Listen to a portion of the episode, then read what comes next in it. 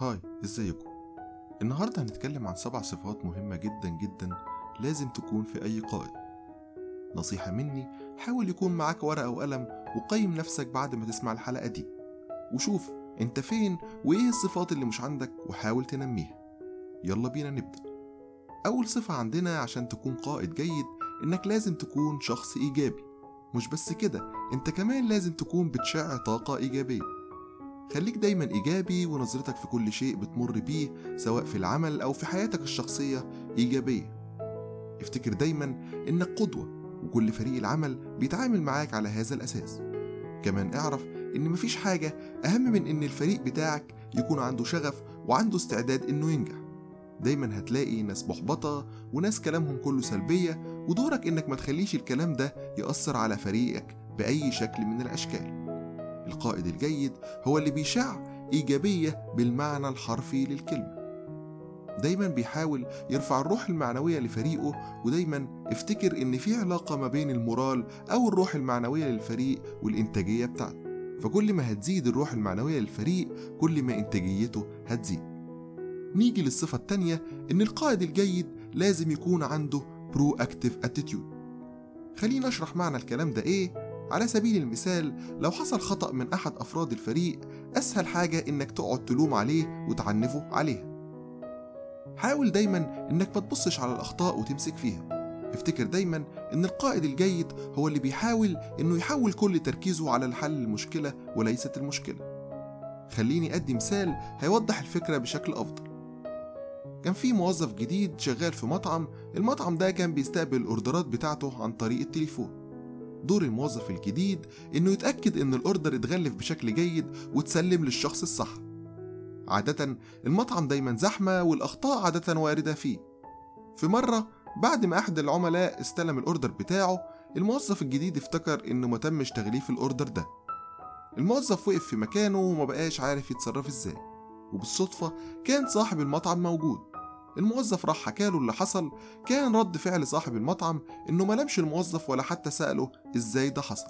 على العكس قال له روح كلم العميل اعتذر له عن اللي حصل وبعد كده قول له أنا شخصيا هجيب لحضرتك الأوردر مرة تانية. في نهاية اليوم طلب صاحب المطعم إنه يقعد مع الموظف ده عشان يتكلموا إزاي يقدروا يتفادوا حدوث المشكلة دي مرة تانية في المستقبل. ركز هنا في قرار صاحب المطعم أو تصرف صاحب المطعم. أولا هو ركز على الحل مش على المشكلة. وكمان عمل كده آخر اليوم مش نفس توقيت حدوث المشكلة. خلي بالك إن القائد الجيد بيبقى عارف كويس هو بيركز على إيه وكمان التوقيت الجيد بيكون إمتى.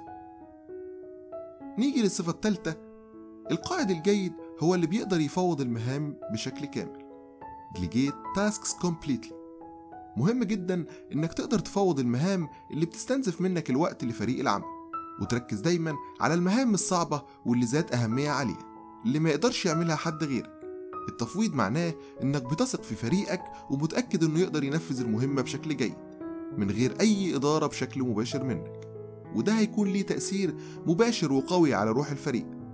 الصفة الرابعة إن القائد الجيد هو اللي تقدر توصل له وقت ما تحتاجه بسرعة بدون أي معوقات أو روتين. كمان بيحب يسمع من فريقه سواء عن العمل أو حتى أمورهم الشخصية. مش بس كده ده بيشجعهم إنهم يتكلموا وكمان بياخد منهم الفيدباك وينصحهم يعملوا إيه ودايما بيكون في وسطهم. الصفة الخامسة القائد الجيد لما بيدي مهمة لازم يدي أمثلة للمهمة دي ويشرح للفريق إزاي يأدوا المهمة دي بشكل جيد. مش مجرد إنه يقول نفذ دي وخلاص. كمان مهم جدا إنك تكون بتعمل الحاجة اللي أنت متوقع من فريقك يعملها. فأنت لو متوقع إن فريق العمل يشتغل بجد ويطلع نتائج عالية وأرقام قياسية لازم أنت كمان تعمل نفس الشيء. افتكر دايما إنك قدوة لفريقك. الصفة الستة القائد الجيد مسؤول. أخطاء فريقك هي أخطائك ببساطة عشان أنت القائد. لازم يكون عندك مستوى من المسؤولية قدام كل فريق العمل عشان يحسوا إنك دايما معاهم. كمان الموضوع مش بس عند الجزء الخاص بالمسؤولية الموضوع له علاقة بالخطوة اللي بعد كده عشان تقدر توجد حلول للأخطاء دي وافتكر دايما إن القائد الجيد مسؤول.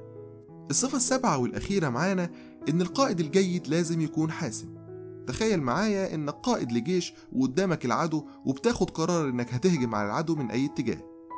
القرار فعلا صعب بس في النهاية لازم قرارك يكون حاسم ومفيهوش أي نوع من أنواع التردد. عشان ما يأثرش على باقي الجيش. في النهاية القائد الجيد لازم يكون حاسم.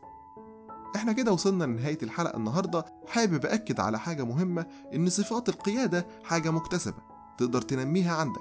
مفيش حد بيتولد قائد بالفطرة. أتمنى تكونوا استفدتوا من الحلقة دي. انتظروني في حلقات جديدة بتتكلم عن الليدرشيب مع السلامة.